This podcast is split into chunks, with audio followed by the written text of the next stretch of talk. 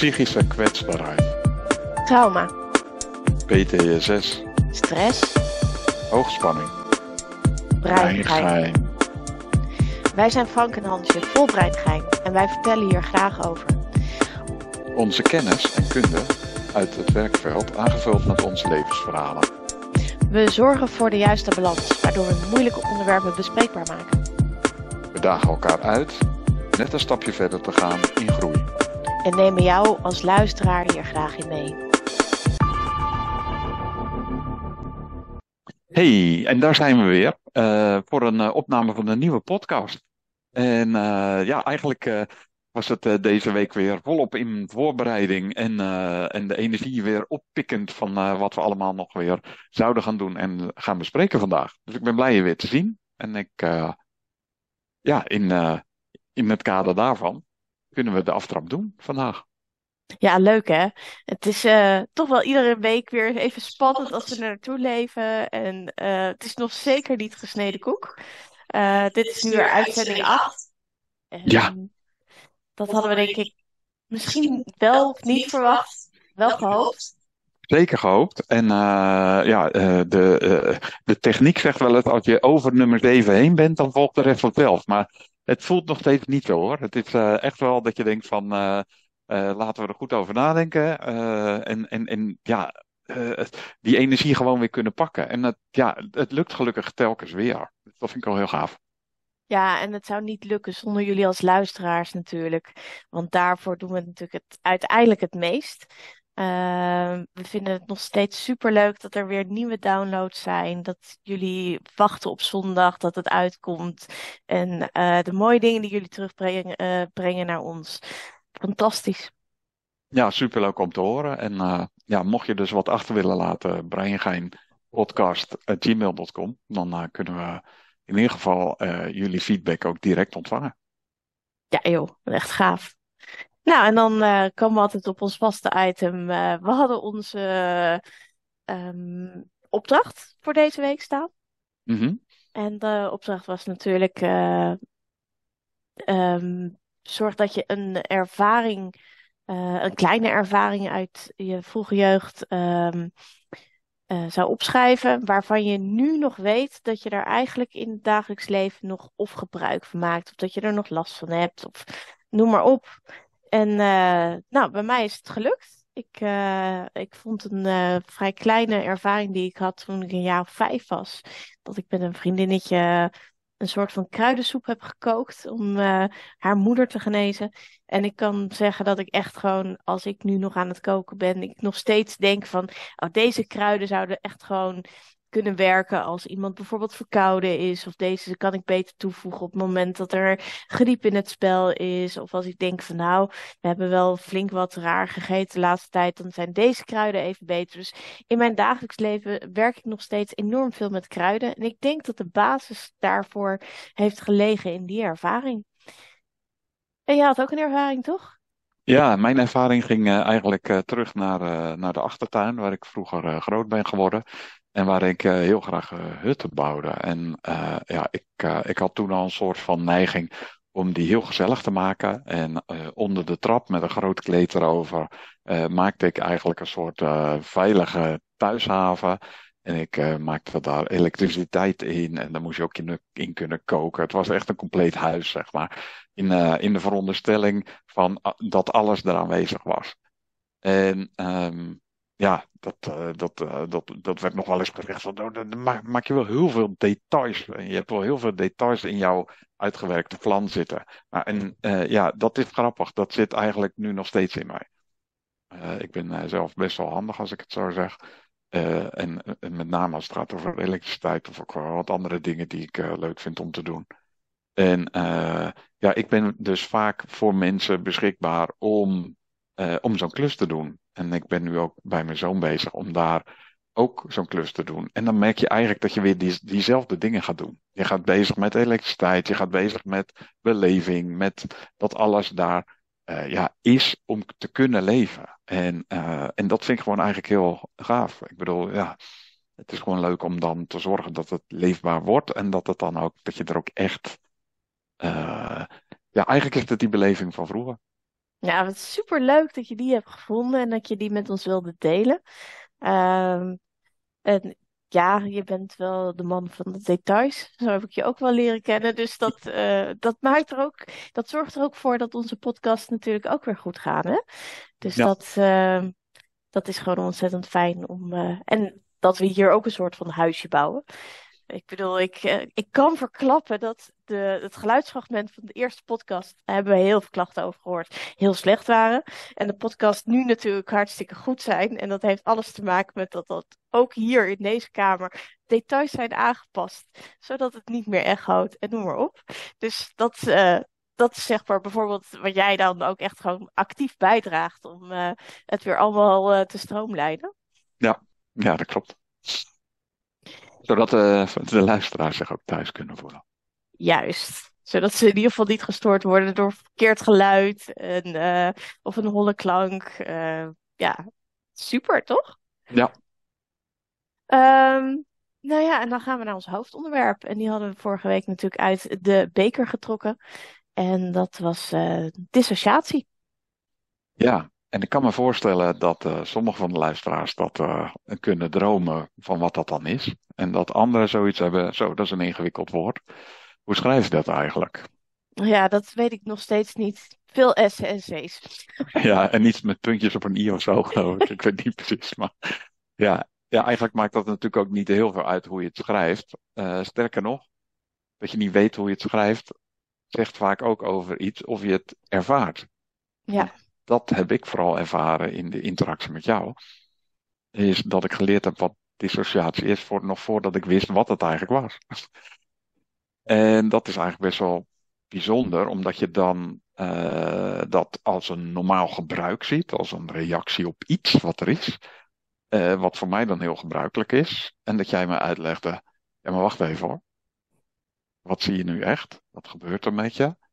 Eh, dat soort, een soort van bewustwordingsvragen, zeg maar. En die bewustwordingsvragen, die hebben mij wel getriggerd om ook iets wat ik van mezelf niet wist wat ik had, wat wel in mijn systeem zit, wat mij beïnvloedt in mijn dagelijks eh, gang van zaken, zeker op het moment dat het spannend wordt, dat dat dan iets is wat dissociatie is. En volgens mij is dat waar we de luisteraars, eh, zeg maar, deze keer ook in meenemen eh, de herkenning van wat het is en een stukje uitleg erover, maar ook gewoon wat het met ons doet, zeg maar. ja, ja. Nou ja, voor mij is eh, dissociatie eh, in mijn leven eigenlijk al zo lang als dat ik me kan herinneren. Ehm, en daardoor was het ook helemaal niet iets waarvan ik dacht dat het raar was. Ehm, pas op mijn 31ste, en dat is dus, vind ik best wel heel erg laat, kwam ik erachter dat het heette dissociatie. En dat werd toen heel normaal ontvangen en ik begreep niet wat het dan normaal was en waarom en noem maar op. Dissociatie betekent eigenlijk dat je ehm, weggaat van jezelf. En dat, daar hebben we een aantal manieren voor om dat te doen. En vaak ligt daar trauma aan ten grondslag. Omdat het te spannend was om erbij te blijven, omdat er te veel angst was. Dissociatie is een vorm van je veilig houden op het moment dat er hele spannende dingen gebeuren. En dat kan eh, een ruzie zijn op, eh, geweest op je werk, waardoor je naar huis rijdt en denkt van jeetje, ik kan me de weg niet herinneren wat vrij onschuldig is, maar ook onder dissociatie valt. Maar prima hebben we allemaal. Ehm, maar je hebt ook andere vormen die dus dan ook veel meer eigenlijk je leven bepalen. De vormen die, eh, die we kennen zijn bijvoorbeeld eh depersonalisatie, derealisatie, amnesie en eh, dissociatieve identiteitsstoornis. Nou, dat zijn eh, best wel wat eh, ingewikkelde woorden die ik hier eruit heb gegooid. Die staan allemaal terug te vinden in de DSM-5. Dat zijn namelijk ook echt gewoon kwalificaties die gebruikt worden binnen de psychiatrie. Ehm, laten we met een hele simpele beginnen, amnesie. Amnesie is op het moment dat je eigenlijk eh, vergeet. Dus je bent gewoon eigenlijk tijd kwijt. Je weet niet wat er is gebeurd. Ehm, en dat is heel ingewikkeld. Heb jij wel eens, eh, ben je wel eens de tijd kwijt geweest? Ja, Ja, en het, dat, dat, dat overkomt me wel eens, ja. Eh, en dat is dan met name dat je dan zit in een situatie waarvan je denkt, oh, ik wil hier weg. En dan lijkt het soms een eeuwigheid te duren. En soms duurt het juist heel kort.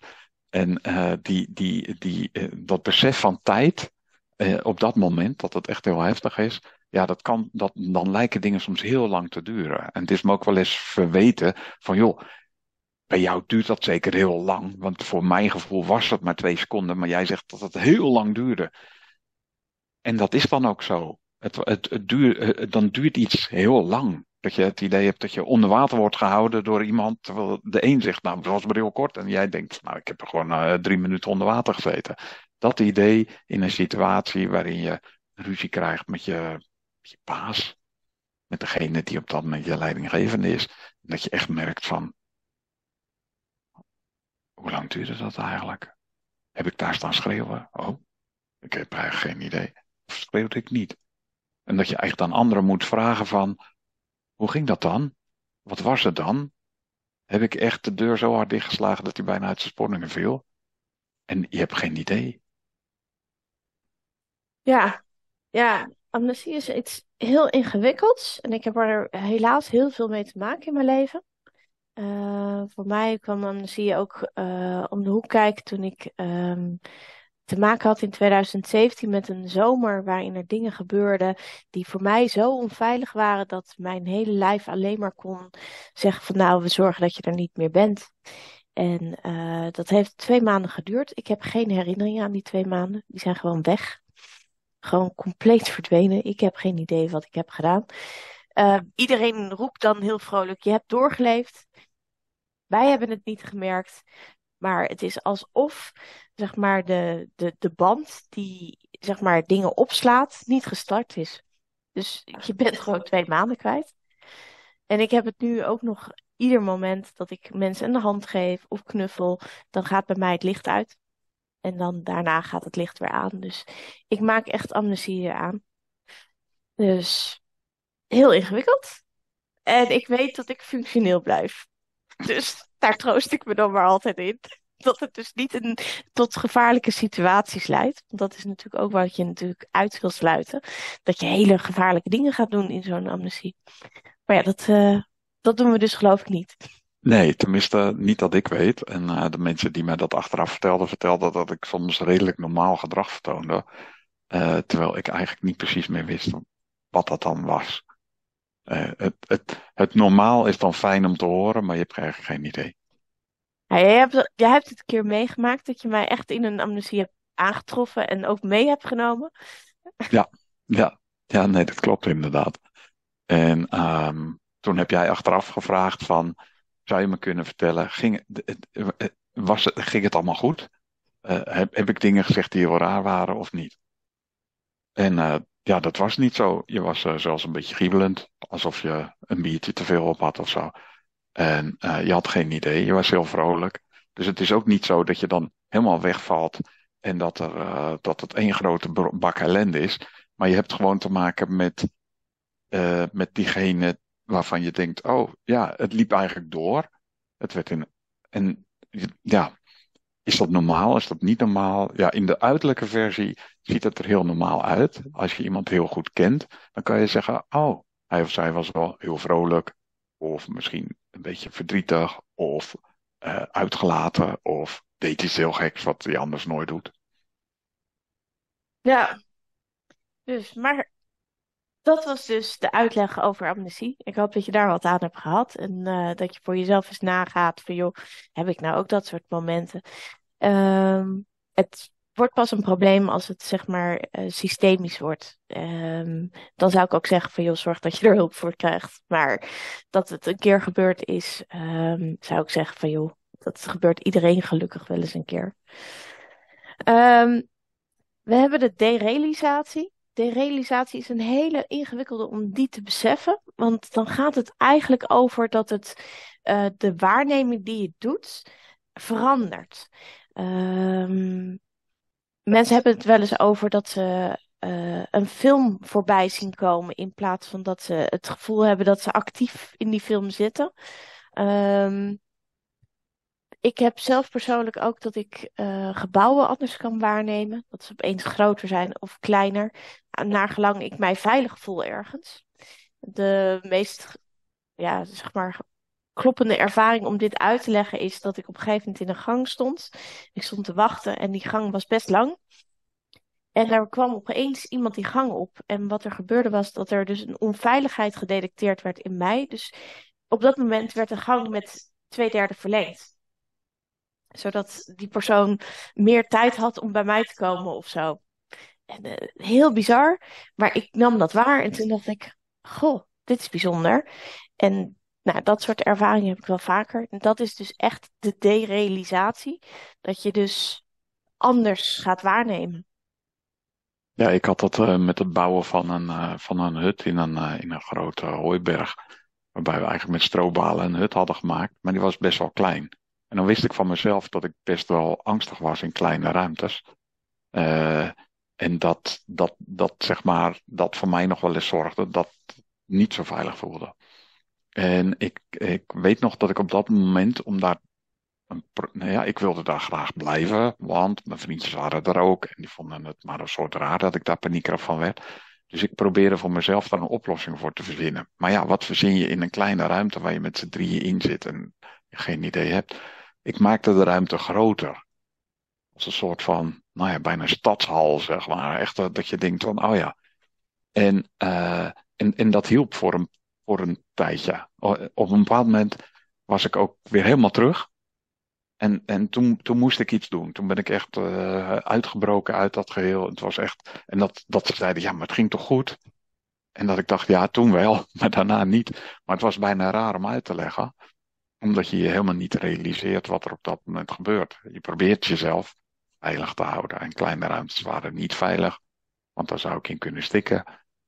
Grote ruimtes heb je voldoende lucht.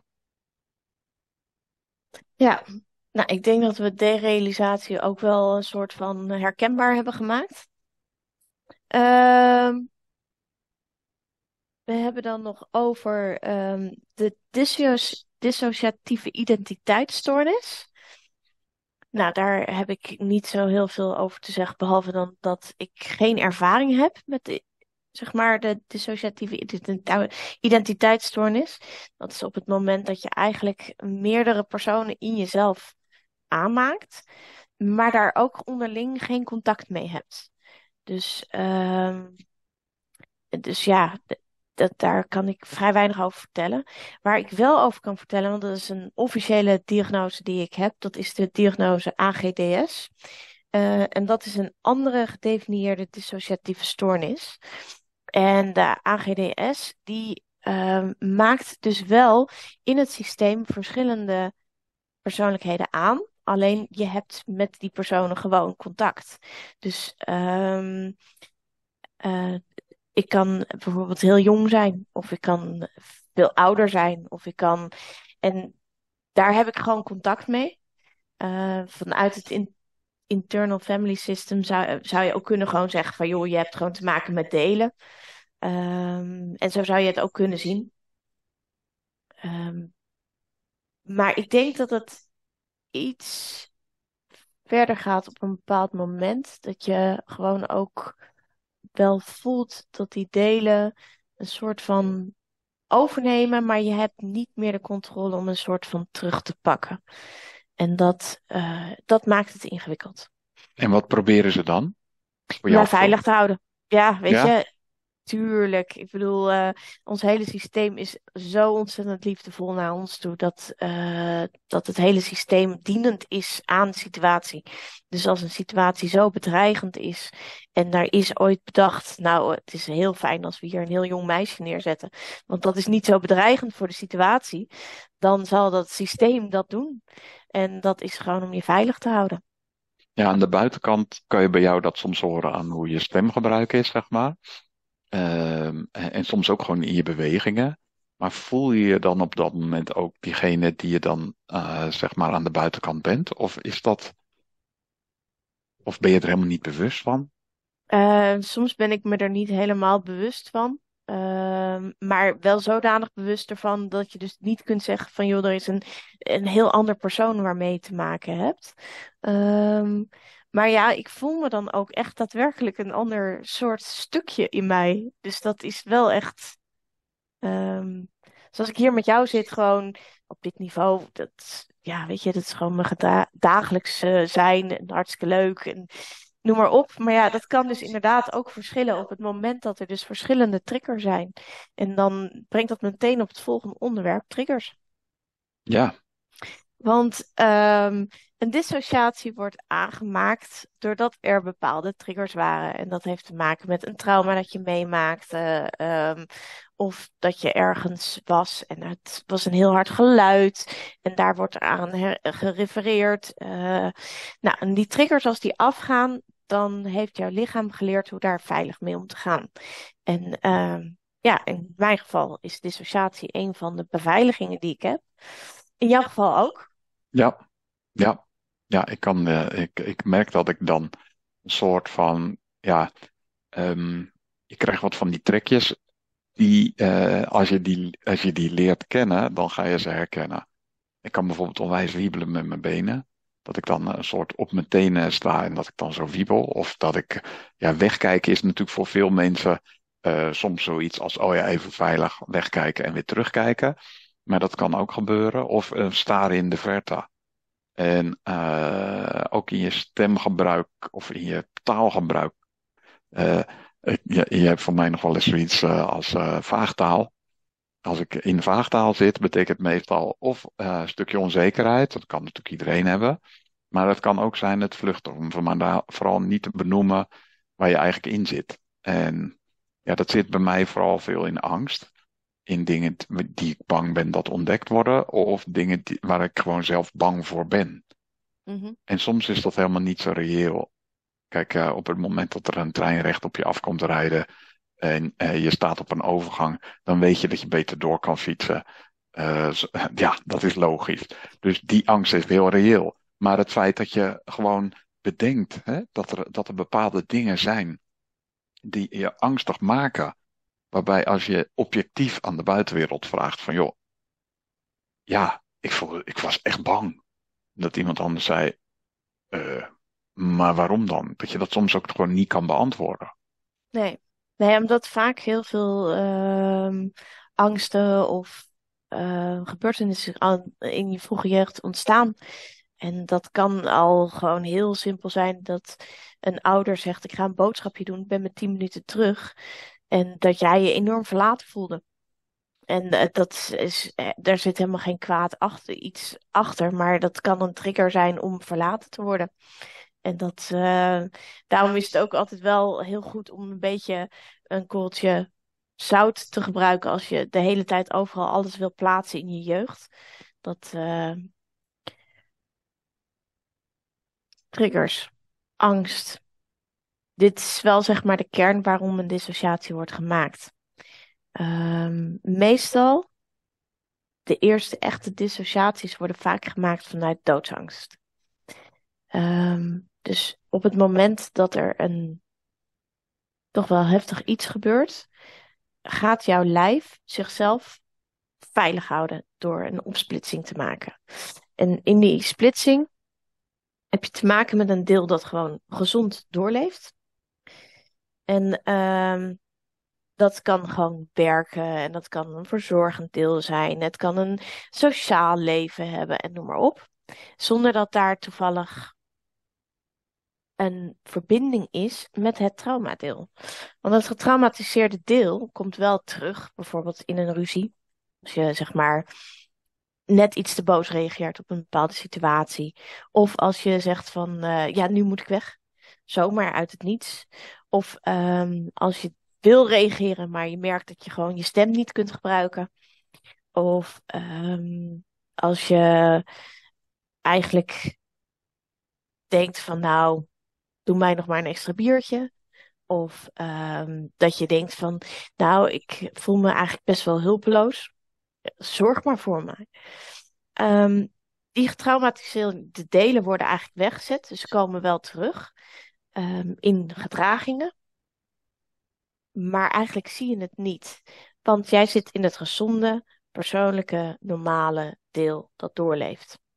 Ja, en dat herken ik heel erg van mezelf. Mhm. Want eh, eh, de Frank die je kent, de Frank die heel graag eh, gezien wil worden en die sociaal is en al dat soort zaken, dat is de Frank zoals ik mezelf ook altijd kende.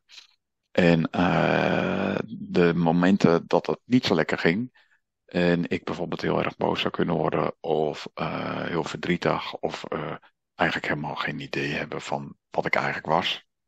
Is het dan verdrietig, boos, of ja, een soort van vacuüm.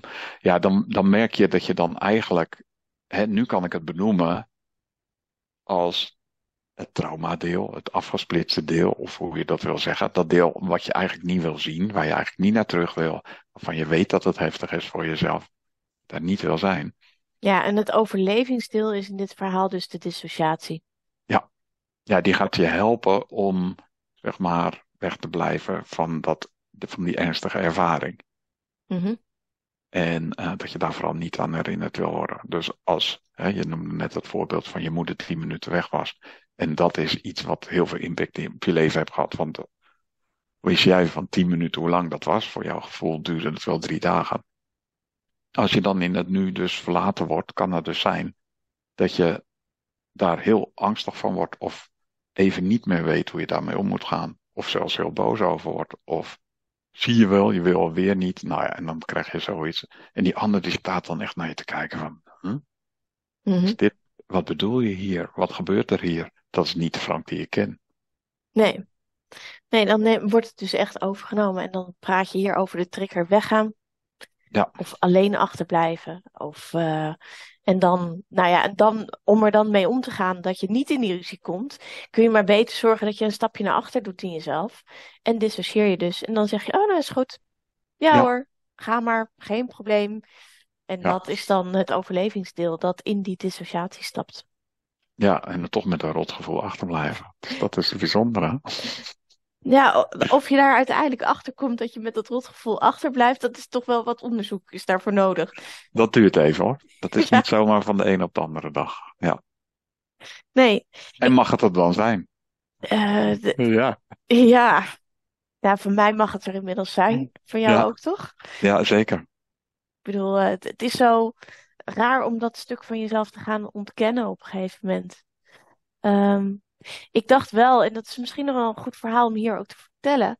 Ik dacht wel dat mensen daar een oordeel over hadden. Heel erg oordeel over hadden. Dat als ik dus zou dissociëren, of dat je het zou zien, of dat, ehm, ja, weet je, dat, dat mensen het erg zouden vinden. En dat ik daar dus dan echt op afgeschreven zou worden. Want ja, je doet niet normaal. ehm, je, je, staart een beetje voor jezelf uit, of je valt flauw, dat gebeurt ook nog wel eens. Ehm, dan ben je dus eigenlijk heel abnormaal. En eigenlijk als mensen het weten van je, dan zeggen ze, oh ja, nou ja, hoort erbij. En ze gaan eigenlijk gewoon ermee door. Ja, het was weer eens zover. Ja, er Ja, is helemaal niets dat de, daar oordelend over is. Het oordeel zat echt in mij. ja, ja, dat merk je ook. Kijk, eh, tenzij je natuurlijk grote chaos aanricht en eh, je zet de kraan open en het hele huis staat onder water, dan, dan, dan, dan is dat niet heel handig. Maar in de meeste gevallen zijn oorzaak en gevolg wat je in je hoofd hebt iets heel anders dan wat anderen bij jou ervaren. Dus jij hebt iets heel ergs gedaan, of iets heel vreemds, terwijl de anderen zeggen, oh ja, je was best vrolijk. Of eh, ja, eigenlijk niks gemerkt. Of ja, oh, vertel eens, hoe werkt dat dan? Dat je denkt, huh, nieuwsgierig naar waar ik het bangst voor ben. Mhm. Ik weet het niet.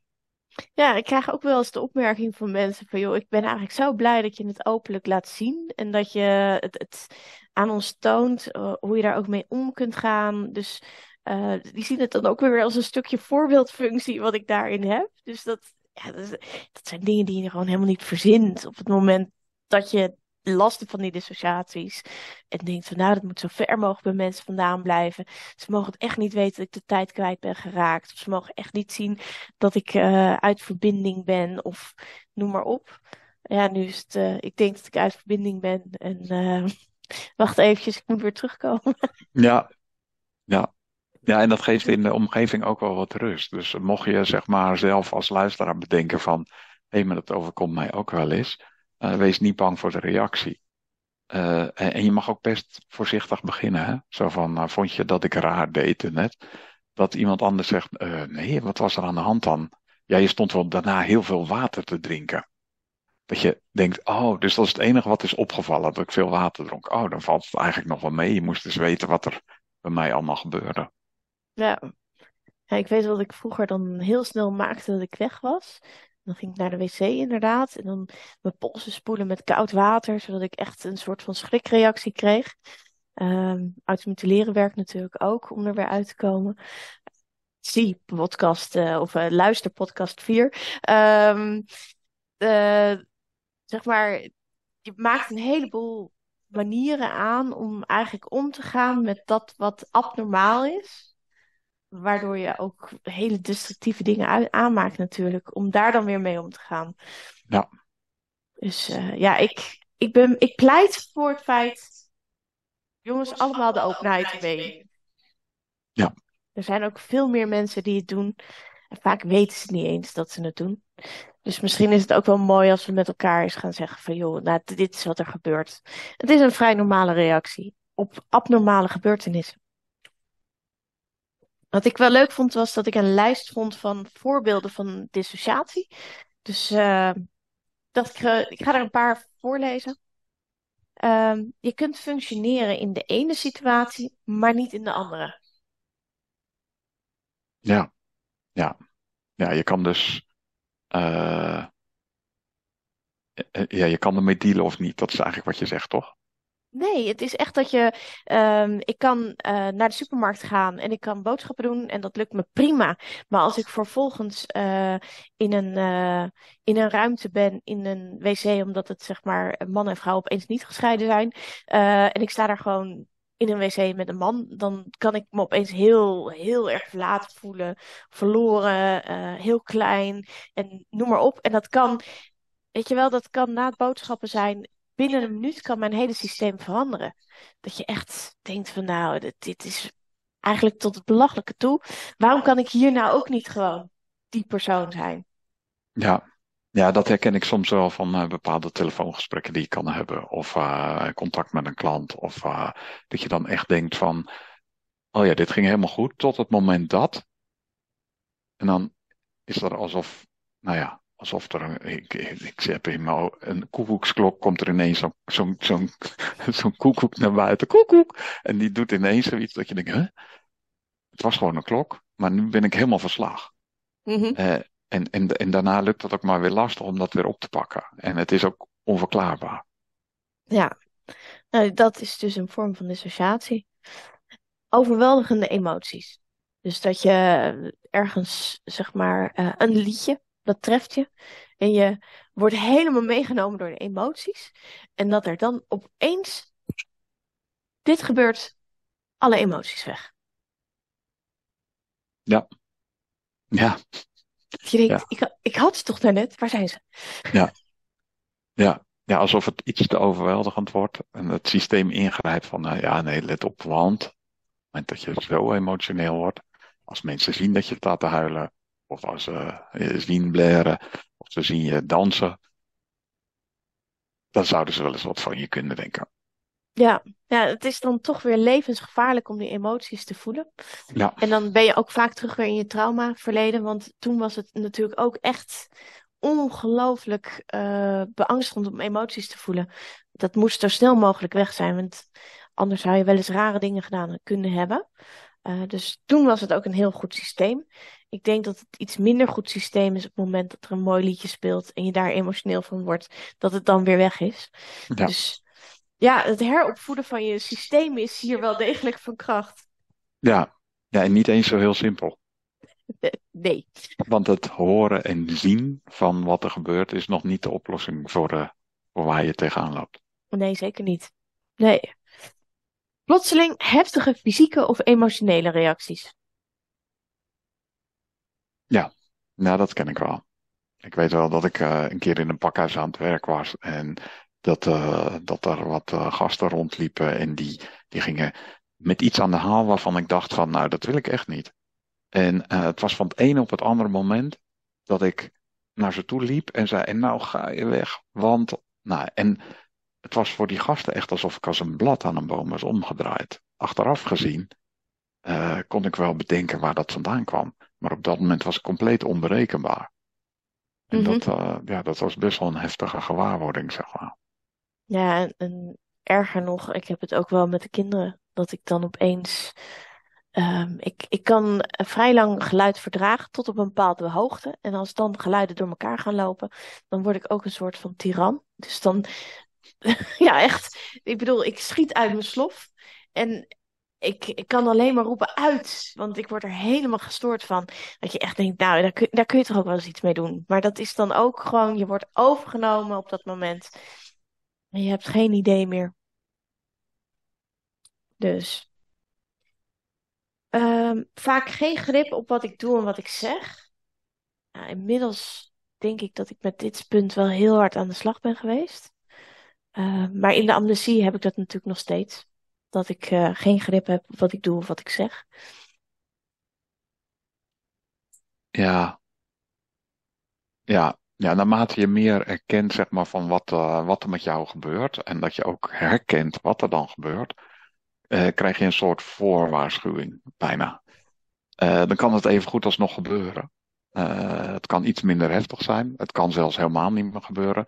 Maar vaak zit het ergens tussenin. Mm -hmm. Het is ook niet in één keer weg. Nee. Angst beheerst mijn leven. Nou, dat was eentje waar ik echt heel erg over heb moeten slikken. Um, want ik dacht altijd, ik ben nergens bang voor. Maar ja, als je in een dissociatie leeft, ben je ook nergens bang voor. Want dat staat natuurlijk gewoon uitgeschakeld. Maar nu ik vaker in, een, in iets wat dichter bij mezelf leef, merk ik dat ik eigenlijk een ontzettend angstig persoon ben. Ik heb angst hiervoor, ik heb angst daarvoor. Ik ben bang dat dat gebeurt en noem maar op. Dus het is echt wel dat ik denk van ja, ik ben een angstig persoon. Jeetje, wat een confessions hier, hè? Ja, ja, ja dat, daar ben ik zelf dus ook achter gekomen. Dat inderdaad uh, angst soms mij helpt om veilig te blijven, maar dat ik dan dus niet bij mijn emoties kom. Dus dat ik dan eigenlijk, zeg maar, met, vanuit de angst reageer en dan het maar niet doet. Of het maar niet laat zien. Mm. Ja, ik kan niet ophouden mezelf te beschadigen. En dat kan in heel veel vormen zijn. Hè? Daar hebben we het natuurlijk al eerder over gehad. Maar ik bedoel, dat kan ook al zijn dat je een televisieserie moet zien. Het kan ook zijn dat je uh, bepaalde Netflix-serie moet bingen. Het kan ook zijn dat je een computerspel wil afspelen iedere keer. Of dat je, uh, weet ik veel, altijd moet zorgen dat er drie kurkjes op de tafel liggen. Uh, want, en met een bepaalde gepaste afstand dat zijn eigenlijk al vormen van een bepaalde manier van structuur behouden, die eigenlijk ook ervoor zorgen dat, dat je niet vrij bent. Dus ook een soort van zelfbeschadigend bezig bent. En dat is iets anders als wat je vanuit een autistisch iets kan hebben, toch? Dat is meer. Ja, we hebben het hier niet over OCD of autisme. Ja, precies. Nee, maar even voor de duidelijkheid. Want je hebt Ja. natuurlijk mensen die met een meetlint dingen op tafel leggen of, uh, of precies dat soort dingen willen. Uh, ja, ik, ik herken het zelf uh, van vroeger, zeg maar, dat ik. Dat, dan had je nog geen toilet op alle drie de verdiepingen. Maar dan was het gewoon van. Op de verdieping waar ik sliep stond er een bedpo. En die moest precies op twee vingers afstand van mijn bedpoot staan dat je dat echt zo helemaal bijhield. En als het niet zo was, controleerde je het nog drie keer, want anders was het niet veilig. Want dan wist ik niet of die er was en of die op de goede afstand stond en dat soort dingen. Ja, dus volledig uit angst. Ja, ja, Ik denk dat dat de voorwaarde is. Ehm, ko- toekomstplannen hebben, maar niet willen leven. Ja die, vind, die vind ik zelf wat ingewikkelder. Niet willen leven, wel toekomstplannen of er niet aan beginnen. Is dat wat je wil zeggen? Of is het echt uh, een doodsangst?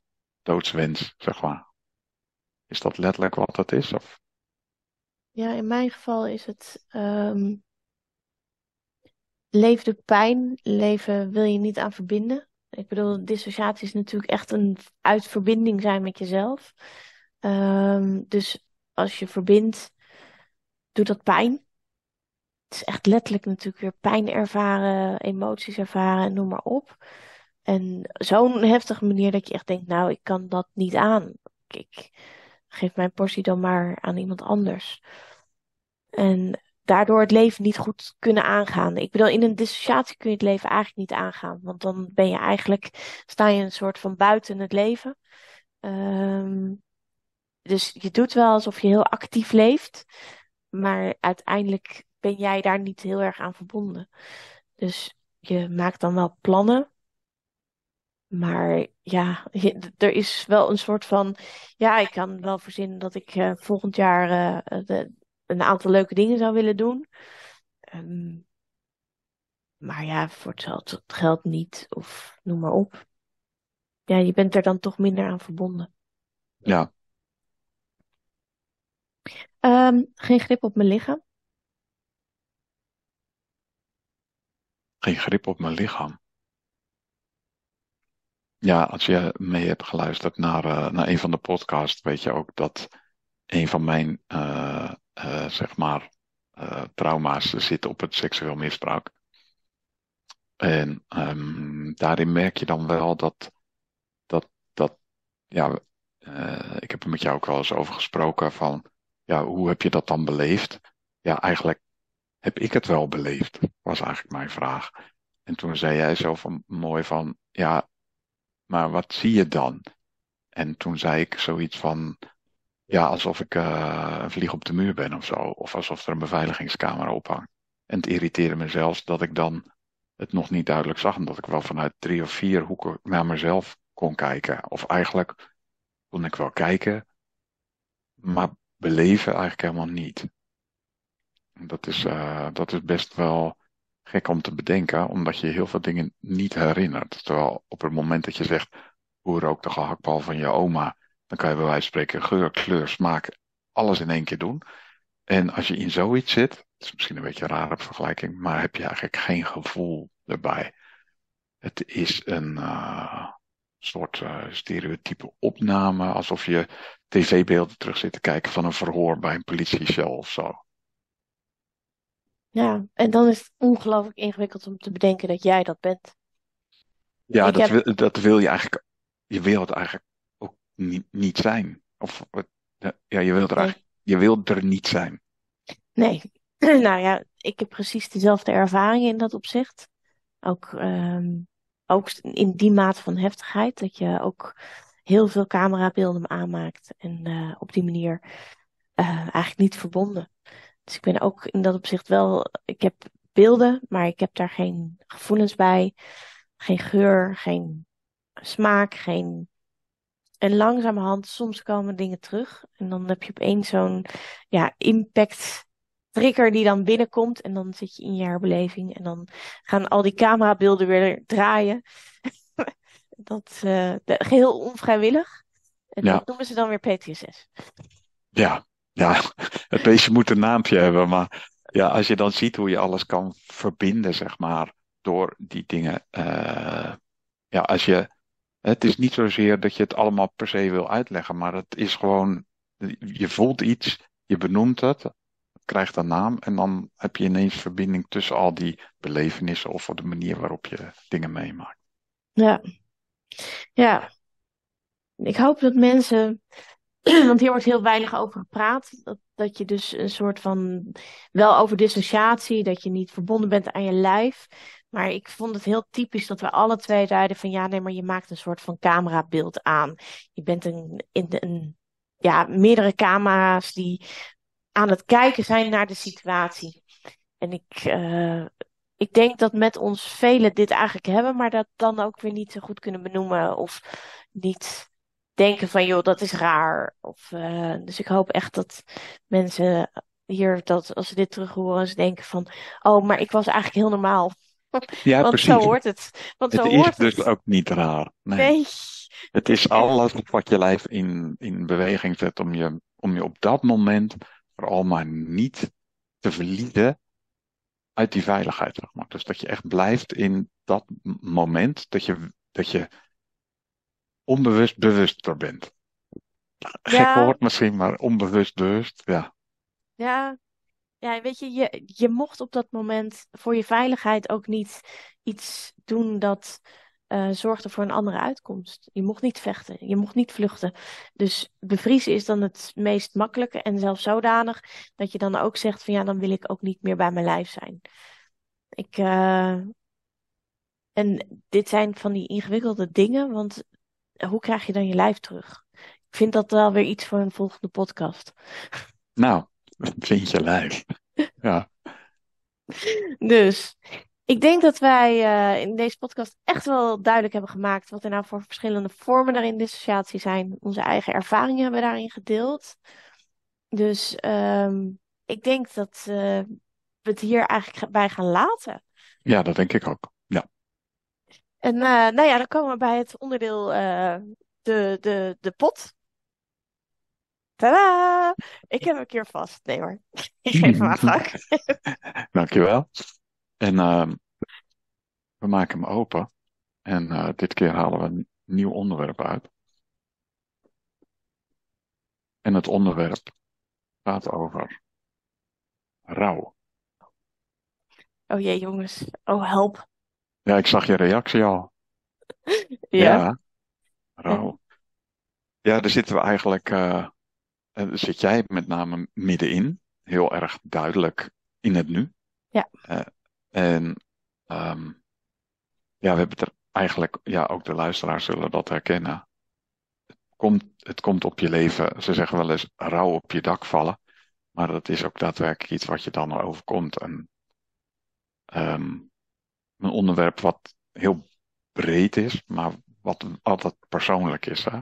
We hebben het daar eigenlijk ook wel eens over gehad, van dat, dat rouw iets heel persoonlijks is. Dat maak je echt alleen mee. Mensen kunnen met je meeleven. Het Wat woord, heel fijn is. ja, ja het, woord, eh, het woord gecondoleerd heeft zelfs iets te maken met dat meeleven, hè? vertelde jij. Dus Ja, dat, dat, die, die verbinding maken met ik leef met je mee. Maar uiteindelijk is het jou. ja. Nou ja, ik wil het, als we het over rouw hebben in, in het kader van onze podcast, wil ik ook wel eigenlijk twee vormen van rouw eh, introduceren. De ene is rouw op het moment dat er verlies is van een dierbare. En een dierbare, dat is in de breedste zin van het woord. Of als er rouw is doordat jij bedacht had dingen in je leven en dat niet komt, dat noemen we levend verlies. En levend verlies hebben we heel veel mee te maken als het gaat om PTSS of trauma of noem maar op. Ja. Daar waar wij het over hebben. En ehm, de, de reden dat eh, Frank het zegt dat ik er middenin zit, mijn, eh, mijn zwager is eh, overleden. En op zaterdag 4 maart was de begrafenis. Dus dat is in dit opzicht heel recent. Ja, Maar dat is dan de volgende uitzending. We gaan nog eh, naar de uitdaging. En eh, ik ben heel benieuwd. Je had erin bedacht. en je moet me even helpen, want ik had hem helemaal uitgedacht. Ehm, Iets met triggers.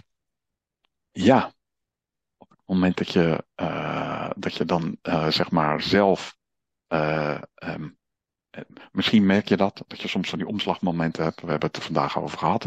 Omslagmomenten in je, in je leven waarin je denkt van, huh, wat overkomt me nu? Eigenlijk wil ik aan ons de opdracht geven, laten we even voor het gemak drie triggers nemen waarvan we weten, nou dat is echt eh, wel, eh, eh, dat zijn van die momenten, dan gebeurt er iets. En dat we een van die triggers eruit tillen en dat we daarover, zeg maar, de luisteraar de volgende keer meenemen in wat er dan gebeurt op zo'n moment. Dat je je bijna bewust bent. Hè, wij zijn al, wij zijn al een aantal triggers die we zo kunnen benoemen, waarvan je zegt, wow. En dan ga je, dat je weet dat dat omslag er is. En eh, dat we daar dan een van die eh, gebeurtenissen delen met de luisteraars. Nou, het lijkt me een fantastische eh, opdracht. Dus als je nieuwsgierig bent naar ho- hoe wij dat dan weer hebben uitgewerkt, tot de volgende podcast. Tot de volgende podcast.